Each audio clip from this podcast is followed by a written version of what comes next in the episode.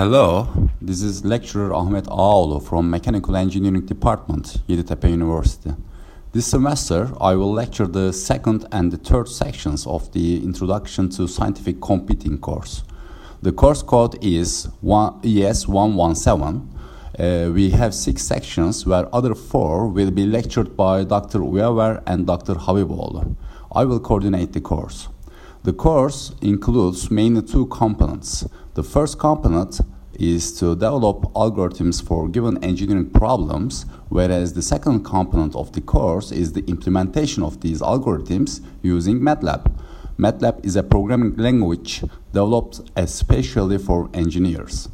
We will be sharing documents on ULearn, which is the new name of our Quasis exam system, during the term. Hence, it will be better for you to follow ULearn daily. I highly recommend you to attend all classes and take notes during the classes. I wish you all success and good luck.